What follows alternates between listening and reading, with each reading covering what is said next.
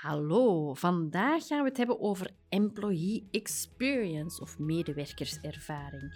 Ik ben Stien van Glowsticks en tegenover mij, of eigenlijk naast mij, zit Annelies van Changelab. Hey Stien. Hey, welkom bij Radio Changelab.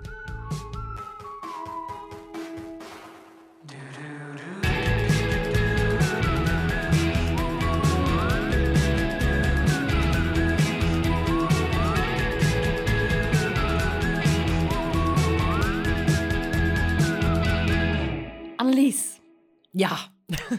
ik ken jou als een zeer klantgericht iemand. Dank u. Dus, eh, ja. Dank u. Hoe zie jij eh, klantgerichtheid versus medewerkersgerichtheid?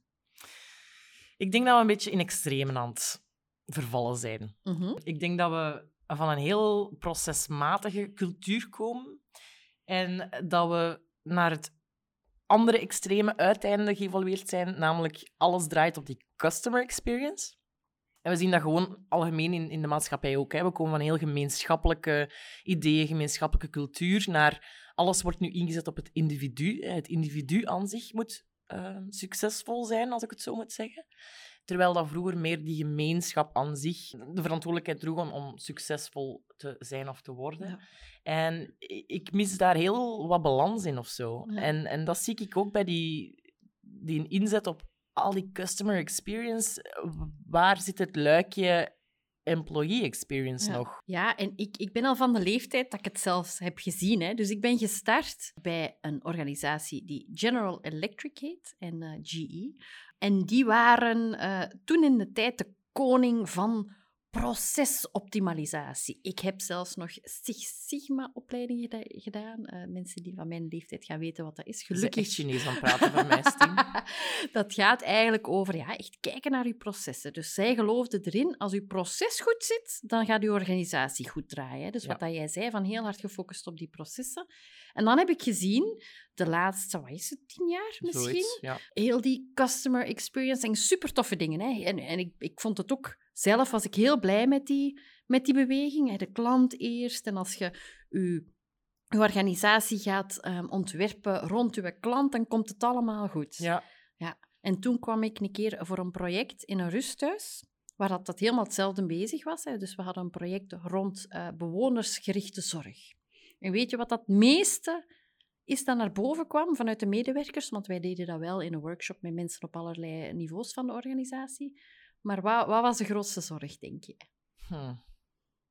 En, en, en is dat wel haalbaar? En, en kan ik dat dan wel doen? En sommige dingen waren meer procesmatig en andere dingen was gewoon de limieten van de individuen. Een voorbeeld.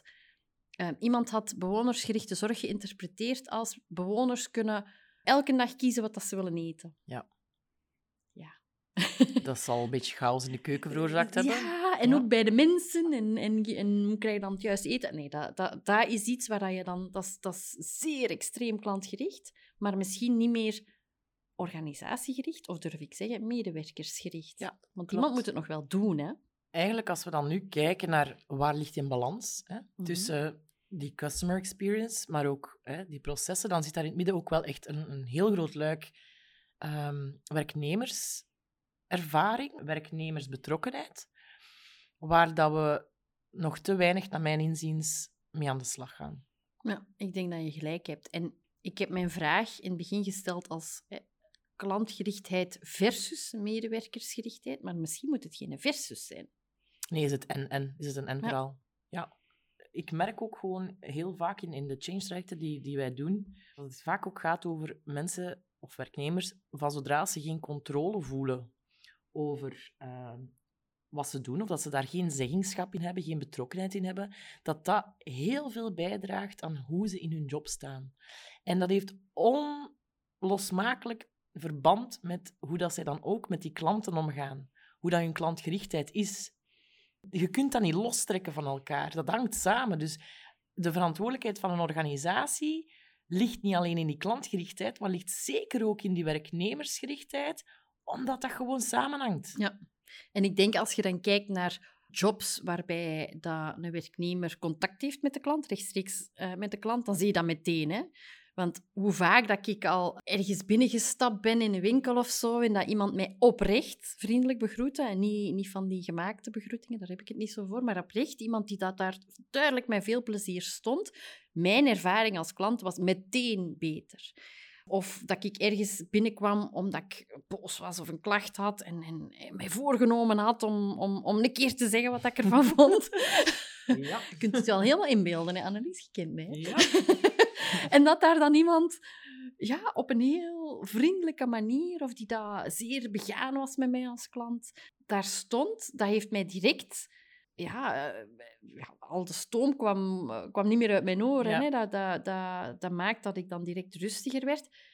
Maar je voelt dat verschil tussen iemand die dat, dat doet omdat ze daar een opleiding rond gevolgd hebben, en iemand die dat daar echt met plezier staat. Dat Ja. met plezier staat weegt veel meer door dan wat dat ze geleerd hebben in de opleiding. Ja, echt inzetten op die intrinsieke motivatie is iets dat niet altijd evident is. Die verantwoordelijkheid wordt ook heel vaak buiten een organisatie gelegd. Terwijl dat ik wel denk dat er een verantwoordelijkheid ligt bij die werkgevers. Wij besteden best veel tijd op het werk, hè? Ja, ja, ja. Spijtig of gelukkig genoeg, afhankelijk van hoe dat je er naar kijkt. Klopt, zeker? klopt, klopt helemaal. Klopt echt helemaal. We hebben het nu gehad over ja, weer terug die balans willen vinden. Dat we niet alleen die customer experience willen uitlichten, maar dat we ook echt wel terug willen kijken naar die werknemerservaring en hoe zij betrokken worden in, de organi- in de organisatie, processen, in, in, in ja, alle beslissingen die genomen worden. Wat zijn voor jou de belangrijkste elementen als het gaat over werknemersbetrokkenheid? Om een organisatie te hebben ehm, met zoveel mogelijk betrokken werknemers, ben ik van mening dat er drie belangrijke pijlers zijn. En wellicht als je in, in, gaat de grasduinen in allerlei verschillende onderzoeken, zullen er eh, nog andere zijn. Maar voor mij komt het toch altijd terug op die drie belangrijke. Eén is uw cultuur. De cultuur in uw organisatie is iets dat enorme impact heeft op mensen, maar waar mensen ook impact op hebben. En soms hoor ik zo van, ah ja, we gaan eh, tijdens het recruitmentproces, we gaan mensen ehm, aannemen die passen in onze cultuur. En ik denk, hmm, zou het niet interessanter zijn om mensen aan te nemen die je cultuur kunnen verrijken? Dat Ja. is mijn mening. Hè? Maar, dus de, de mensen die dat daar zijn, hebben een ongelooflijke impact op je cultuur. En ik vind niet dat dat iets is dat, sta- dat er is en stilstaat. Dus dat, dat beweegt. En dat is niet altijd een gemakkelijke om gewoon te zeggen, van, doe dit of dat, en dan is de cultuur veranderd. Alles wat dat je doet rond cultuurwerk gaat zijn tijd nodig hebben. Dus één, cultuur. Twee, leiderschap. Ze zijn met elkaar verbonden, hè. ze staan niet los van elkaar. Maar de leiders in een organisatie hebben ongelooflijk veel impact op betrokkenheid van hun medewerkers. Want dat is, dat is de persoon met wie dat, ja, eigenlijk het meeste in heel je organisatie. Mhm. Dat is de persoon waar dat je dagdagelijks mee werkt, waar dat je eh, afspraken mee maakt, die dat, hè, zorgt dat, dat het werk in jouw team of op jouw afdeling op elkaar afgestemd is. En die eigenlijk ook beslist over een paar zaken waar we het straks over gaan hebben, denk Ja. ik. Hè? Dus zaken die dat juist invloed hebben op, op individuele betrokkenheid. Dus die leiderschap een hele belangrijke. Ehm, ik benijd trouwens ook niet de mensen die zo in het tussenmanagement Nee, zitten. Absoluut niet. Heel moeilijke positie in een organisatie, hè? want ze mogen niet al, nee, ze, ze worden vaak niet betrokken, of niet genoeg, in mijn mening, bij het, het maken van de visie en de kaders. Ja. Maar ze moeten ze wel uitvoeren en ze hebben dan de medewerkers die niet goed snappen waarom. En Ja, als het allemaal niet goed, Ja. niet goed gemanaged wordt in een organisatie, zijn zij degenen die dat daar eigenlijk eh, eh, de impact van voelen. En dus het laatste, dat heb ik nu ook al een klein beetje aangehaald, ehm, is structuur. Want, ik zei net, de- vaak wordt er van, vanuit een hiërarchie, top-down, een structuur. Zo gaan we werken en zo moet het gebeuren. En de mensen op de werkvloer of die met de klanten werken, die, die, eh, die moeten dat dan maar uitvoeren en de middelmanagers moeten dan maar zorgen dat ze het doen. En Ja. ja, als je het zo gaat bekijken, ja, dan, dan heb je sowieso al een, een probleem. Hè, want dan zit, je, dan zit je weer op je cultuur. Dat is een heel hiërarchische eh, top-down cultuur. Klopt, alle Ehm, keuzevrijheid is weggenomen ja. onderaan. Voilà. Maar zelfs al zit jij met een cultuur waarbij dat we zeggen van we gaan medewerkers van onderuit betrekken, je structuur moet wel bekeken worden. Je moet durven kijken naar, eh, gaan we de processen anders inrichten? Gaan we onze teams anders inrichten? Gaan we Ja, gaan we anders omgaan met onze werkwijze, zodat dat past bij hoe dat we naar de klant willen gaan, zodat Ja. het past bij hoe dat mensen werken, zodat het past misschien zelfs op individuele talenten. Dat En is een beetje wat we merken in die change-trajecten ook. Hè? Als we, Ja. als we van, van, van onderuit eigenlijk dingen in beweging zetten, dat als, die, als die structuur dat niet toelaat, dan botsen die mensen gewoon terug tegen een muur. En dan ja, is die effort een beetje voor Ja. niets. En eh, agile, dat is ook zo'n eh, buzzwoord hè, waar dat iedereen mee bezig is. En als je kijkt naar wat dat betekent, dat betekent wendbaar. Ehm, en wendbaar betekent durven je processen en je structuren aanpassen. Maar wat ik merk, is dat er heel vaak gekeken wordt naar kleine incrementele veranderingen. Daar ben ik helemaal fan van.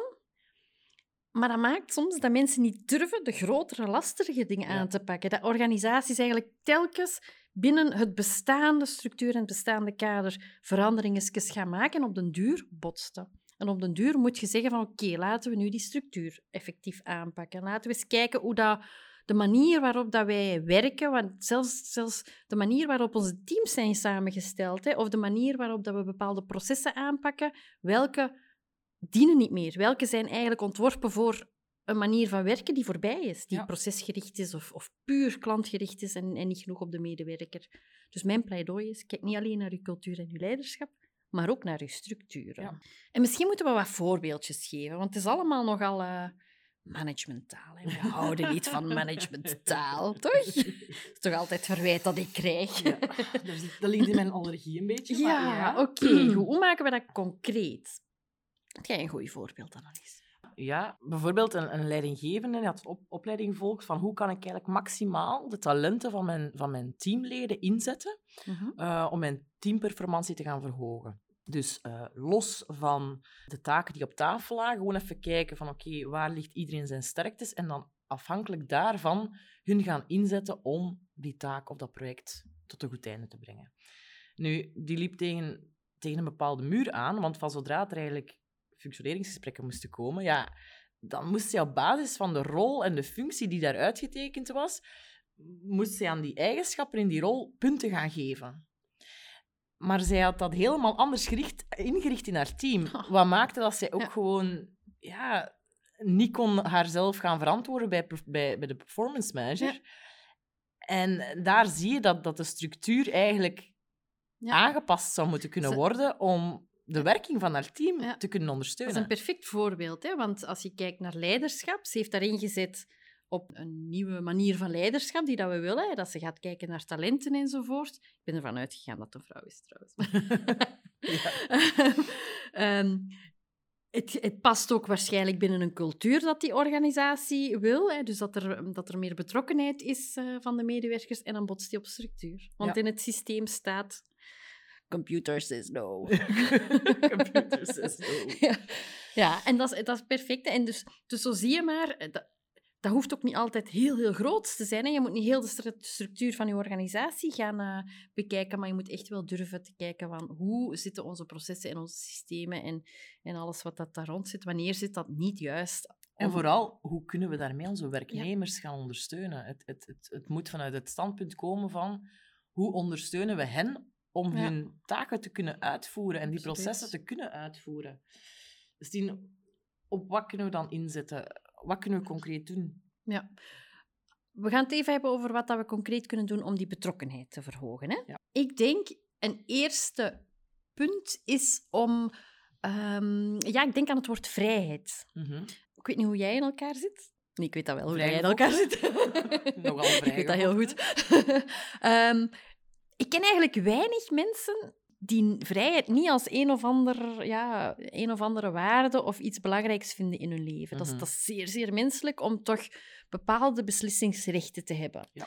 En dus denk ik, als we, als we mensgericht zijn als organisatie, en, en dus medewerkersgericht, dat we toch wat vrijheid moeten proberen in te bakken in onze structuren en onze processen. Uiteindelijk hebben we dat met klantgerichtheid ook vaak gedaan. Hè? De klant vrij, vrijheden geven en bepaalde keuzes mogelijk maken. Ja, waarom onze medewerkers dat niet? Ja. En ik denk dat dat mogelijk is. Ja, ik denk dat we daar los van... eh, Wat dat met die vrijheid te maken heeft, dat gaat vaak over ruimte geven om verantwoordelijkheden Ja. op te nemen. Ik heb daar een goed voorbeeld van. Nu, het is een verhaal dat ik van iemand anders heb meegekregen. Hè? Dus, uh, maar ik vond het wel een fantastisch verhaal. En die persoon was uh, ergens in België in een tankstation aan de, aan de snelweg. En er stopt daar een bus met toeristen uit Engeland. En ja, je weet, Engelsen hebben de pont. Ja. Er zat iemand uh, die daar uit die bus liep en naar de wc wou gaan en botste tegen het hekje waar dat je moet betalen. Maar ja, die persoon had geen 50 eurocent, had ook geen bankcontact en geraakte niet binnen en moest zeer dringend gaan.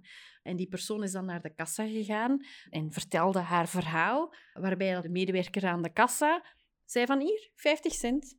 En ja, die persoon uh, die kon gewoon uh, naar, naar de wc gaan. En mijn vriend die dat, dat dan vertelde, zei van... Uh, oh, ik ben dan naar die kassa gegaan.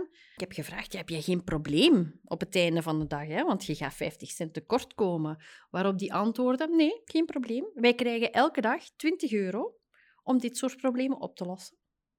En ik dacht, oh, wauw, geweldig. Ja. Toch? Het is ook mooi dat ze, met die, dat ze op die manier ook met die vrijheid omgaat. Hè? Want veel mensen zouden denken, oei oei als je die elke nacht 20 euro geeft, daar komt niks goed van. Ja, dat is gek hè, dat mensen dat denken. Want de realiteit is dat dat maar een uitzondering is. Hè? Mensen die dat daarvan eh, profiteren. Zeker als mensen gemotiveerd zijn. Als jij vertrouwen krijgt ja.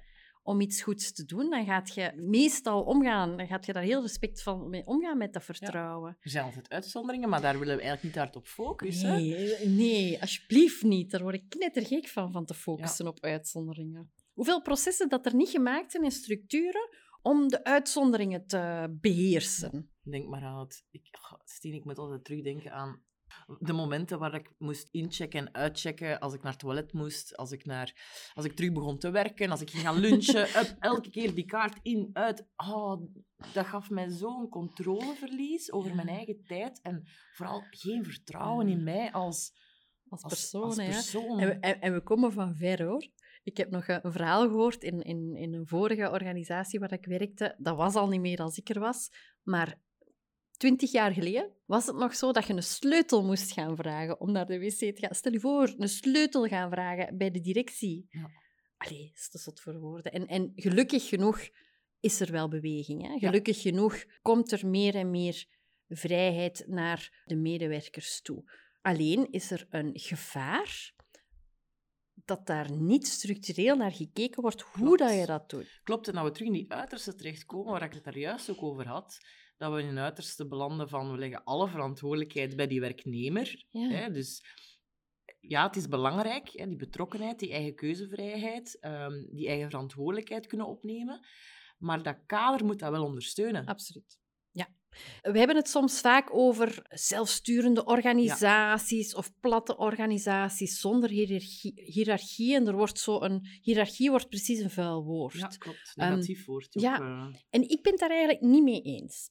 Ik vind macht vanuit hiërarchie en, en controle vanuit hiërarchie vind ik verschrikkelijk. Dat denk ik niet meer dat past binnen hoe dat wij als samenleving zijn nu en wat dat mensen verwachten. Maar wat een hiërarchie wel kan bieden, is een kader. Ja.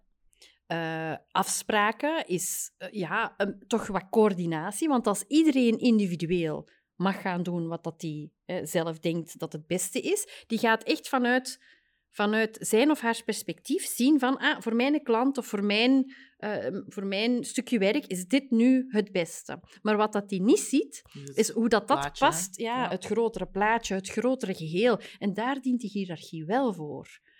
En natuurlijk moet je dat dan gaan inrichten op een manier dat je veel respect hebt voor de mensen in die hiërarchie, op allerlei lagen. Iedereen heeft eigen talenten, maar heeft ook inzichten en perspectieven die dat een ander niet heeft wordt die functie van, van directie en middelmanagement veel meer coördinerend en ondersteunend. Ja. ja.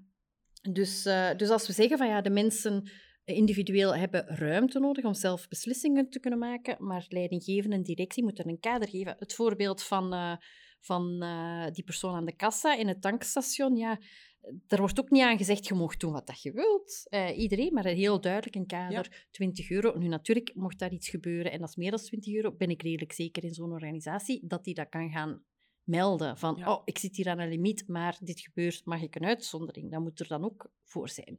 Maar het is ook niet de bedoeling dat die persoon zelf beslist, ah, vandaag is het 50 euro. Of je moet toch nog wel Ja. iets of wat van kader bieden. Maar er is wel een verschil dat die persoon aan de kassa dat die altijd verantwoording af moet leggen van waarom heb Aha. hier 50 cent gebruikt. Eh, Het, het feit dat dat luikje verantwoording omgezet wordt in vertrouwen, dat maakt die wisselwerking net zo sterk. Mocht dat anders zijn, mocht, mocht die een lijstje moeten maken met alle redenen waarom, en dat dat dan eh, eh, haar leidinggevende daar elke dag op gaat kijken en zeggen van waarom heb je dat gedaan en kon dat niet anders, en ja, dan, dan, dan heeft het geen nut. Dan is de kracht van het zelf te kunnen beslissen helemaal weggenomen. Ja. En dan heeft het weer geen effect. Ja. Dan heeft het zelfs, durf ik wedden, een negatief effect. Ja. Dus het is niet alleen het kader dat je biedt, het is ook hoe je dat kader dan invult, hè, en afspraken dat je, dat je daar rond maakt. En dan zijn die leiderschapsskills, hè, die vaardigheden van een leidinggevende die ondersteunend en met vertrouwen werkt. Ja. belangrijker zelfs dan je structuur. Maar je structuur moet er ook zijn.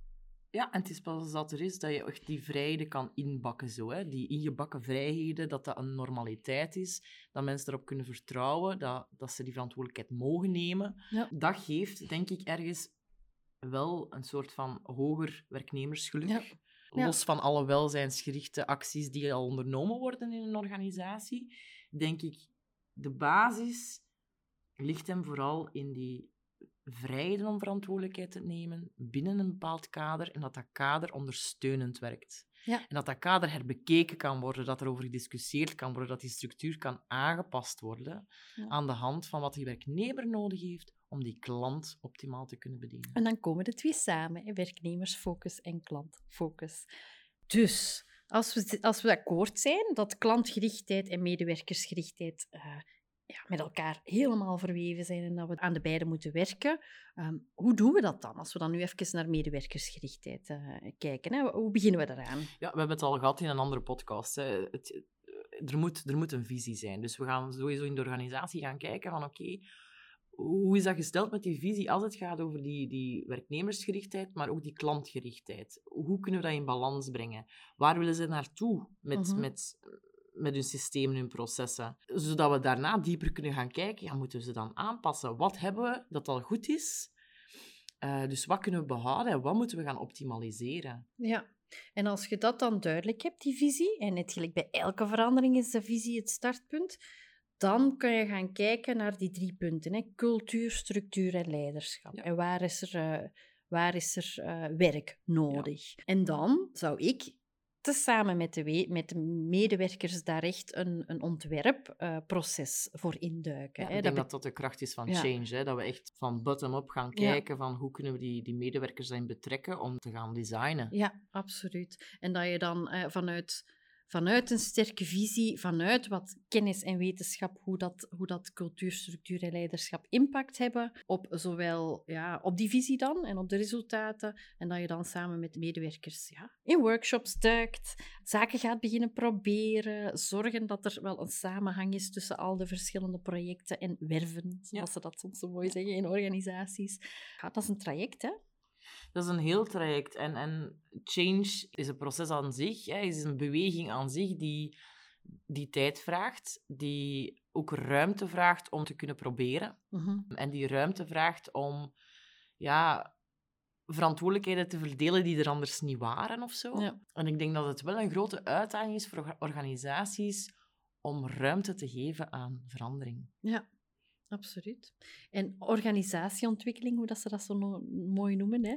eh, dus organizational design, als je het in het Engels eh, wilt eh, zeggen, en, en change, dat gaat hand in hand. Hè? Het een focust meer op hoe ziet, de, hoe ziet het er dan uit? Hè? Hoe, ziet, de- hoe ziet de organisatie, je structuur, de cultuur eruit op het einde? En de changes, en, en hoe zorg je ervoor dat je dat doet op een manier dat je, dat je effect hebt, hè? Dat, je, dat je de medewerkers mee hebt en dat je input krijgt van alle verschillende mensen in je organisatie. De twee gaan zo mooi hand in hand. Ja. Zien, ik denk dat we... ehm, We hebben het gedaan, we hebben de wereldproblemen opgelost. Ja. Ja, ik denk, ik denk dat het een zeer hot topic is momenteel. er wordt heel veel gepraat over welzijn op het werk en, en over het belang daarvan. De overheid is daar ook mee bezig. Ja, en ik wil toch nog even iets zeggen. Want eigenlijk zijn we ook niet zo super slecht bezig. Nee, Nee, Hè? klopt. Nee, de, bewe de beweging De is er. beweging is er. Ik heb vanochtend nog eens een keer gekeken naar de laatste Gallup-studie, waar het cijfer, ik denk 22% van medewerkers die dat betrokken, of zich betrokken voelen ehm, op het werk, eh, en dat is een globaal cijfer, en dat klinkt niet veel, en dat is ook absoluut niet genoeg, Mhm. eh, maar als je denkt dat we in 2009 aan 12% zaten, dan zijn we wel de juiste richting Ja. aan het gaan. Ja. Dus ik geloof er wel in dat die klantgerichtheid ook een impact heeft gehad. Mhm. Zeker, het is een Ehm, juiste beweging Hè, dus we geweest. moeten daar de goede dingen van, Ja. van houden.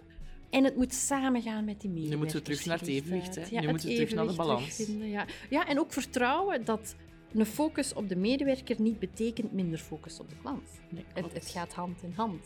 Het versterkt elkaar. Dus eigenlijk, klant is koning en medewerker is queen. Ja, vind ik een mooie. Vind ik een mooie. Dan kun je zelf nog uitmaken wie dat eigenlijk voor het zeggen, wie dat de broek aan heeft. Ah, Super. Eh, ik wil u super hard bedanken om die Ja, aflevering met mij ook. te maken. Het was heel leuk, heel interessant. En eh, ja, we gaan er zelf ook mee aan de slag. Hè. Absoluut. Ja, zowel eh, vanuit Changelab als op Stix. Yes. Mooie samenwerking. Bedankt, Steen. Tot de volgende. Ja. Salut.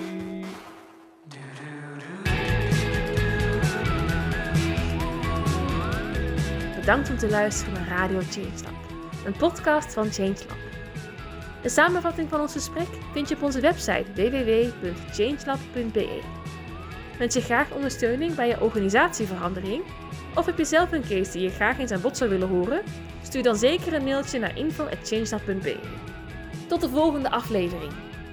Als jij erbij bent natuurlijk. Change management, wie heeft dat nu nodig?